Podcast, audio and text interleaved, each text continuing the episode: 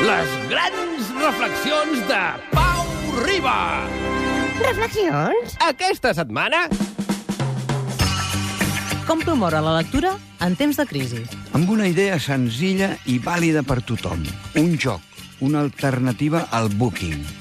Agafes un llibre que t'agradi molt, li guillotines al llom i enganxes les pàgines l'una al costat de l'altra de forma correlativa per les parets i els passadissos del metro. L'únic petit hàndicap és que n'has de guillotinar dos perquè les pàgines tenen dues cares, clar. Tot és molt confús.